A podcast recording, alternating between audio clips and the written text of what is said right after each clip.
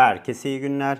E-Anestezi Podcast serimin 249.suyla yine karşınızdayım. Bugün inhalasyon anesteziklerinden nitrozoksitten bahsedeceğim. Hazırsanız haydi başlayalım.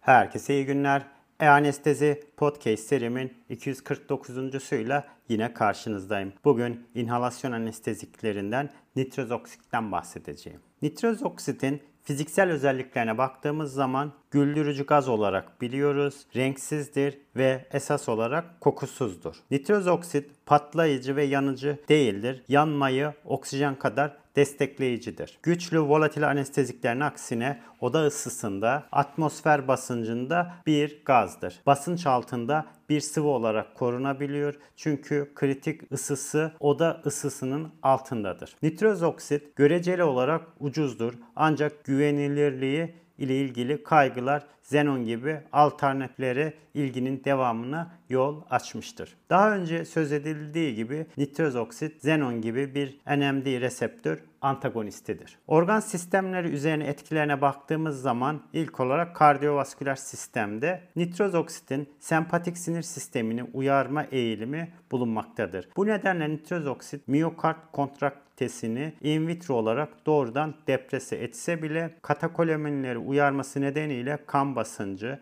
kalp debisi ve kalp atım sayısı in vivo olarak değişmez ya da hafifçe yükselebilmektedir. Miyokard depresyonu, koroner arter hastalığı veya ciddi hipovolemisi olan hastalarda maskelenebilir. Pulmoner düz kasların daralması sağ ventrikül diastol sonu basıncında genellikle orta derecede yükselme ile sonuçlanarak pulmoner vasküler direnci artırmaktadır. Derideki damarların vazokonstrüksiyonuna rağmen periferik vasküler direnç önemli ölçüde değişmiyor. Solunum sistemine baktığımız zaman ise nitroz oksit solunum sayısını artırıyor. Yani takip ne yapıyor ve santral sinir sisteminin uyarılmasının ve belki de pulmoner gerilim reseptörlerin aktivasyonunun bir sonucu olarak tidal volüm azalmaktadır. Ve bunun sonucu net etki olarak dakika ventilasyonu ve istirahat arteriyal karbondioksit seviyelerinde bir minimal değişme oluşmaktadır. Arteriyel hipoksiye karotit cisimciklerindeki periferik reseptör aracılı bir ventilatör yanıtı olan hipoksik dürtü nitroz oksitin küçük miktarlarında bile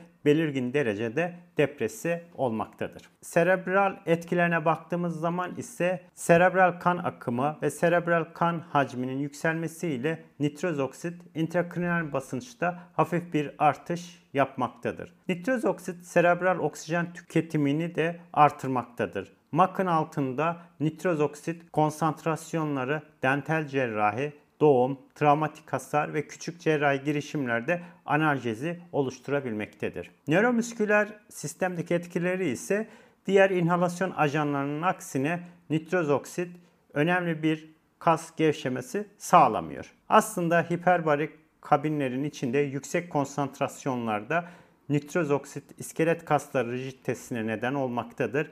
Nitroz oksit manin hipertermi tetikleyici bir ajan değildir. Renal sistemde ise nitroz oksit renal vasküler direnci artırarak böbrek kan akımını azaltıyor gibi gözükmektedir. Ve bu da glomerüler filtrasyon hızında ve idrar debisinde düşmeye yol açmaktadır. Hepatik sistemde ise Nitroz oksit anestezisinden sonra hepatik kan akımı muhtemelen düşüyor.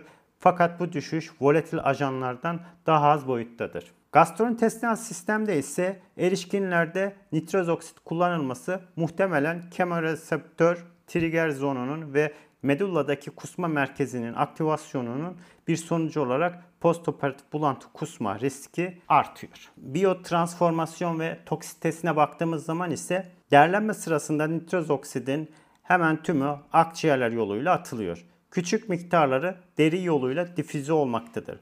Gastrointestinal yolda anaerobik bakterilerle indirgeyici metabolizmaya geçiren biyotransformasyonun %0,01'inden daha az olarak sınırlıdır. Nitroz oksit vitamin B12'deki kobalt atomunu tersine dönüşümsüz olarak okside ederek vitamin B12'ye bağımlı olan enzimleri inhibe ediyor. Bu enzimler miyelin formasyonu için gerekli olan metionin sentetaz ve DNA sentezi için gerekli olan timidilat sentetazdır. Nitroz oksidin anestezik konsantrasyonlarına uzun süreyle maruz kalmaları kemik iliği depresyonuna yani megablastik anemiye ve bunun sonucu olarak ise nörolojik bozukluklara yani periferik nöropatiye yol açmaktadır. Ve bununla birlikte kemik iliği toplamak için nitroz oksit uygulanması kemik iliği mononükleer hücrelerin canlılığını etkiliyor gibi gözükmemektedir. Olası teratojenik etkileri nedeniyle henüz 3. trimesterde olmayan gebe kişilerde sıklıkla nitroz oksitten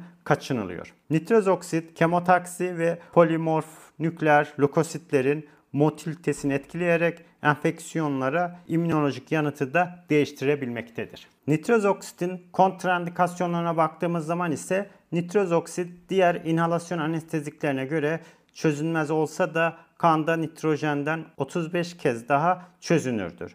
Bu nedenle nitroz oksit hava içeren kavitelere nitrojenin kan akımı tarafından absorbe edilmesinden daha hızlı şekilde difüzye olma durumu bulunmaktadır. Ne gibi? 100 ml pneumotoraksı olan bir hastaya eğer %50 nitroz oksit verir isek pneumotoraksın gaz içeriği kan akımınkine yaklaşacaktır ve nitroz oksit kaviteleri havadan daha hızlı difüze olacağından pneumotoraks kabaca 100 ml hava ve 100 ml nitroz oksite kadar genişlemektedir. Eğer kaviteyi çevreleyen duvarlar rigid ise volüm yerine basınç yükselmektedir. Ve bunun sonucu olarak da nitroz oksidin zararlı olabileceği durumların örneklerini verecek olursak venöz veya arteriyel embolizm, pneumotoraks, bağırsak distansiyonlu akut intestinal tıkanıklıklar, intrakraniyal hava yani duranın kapamasından veya pneumoensefalografiden sonra gibi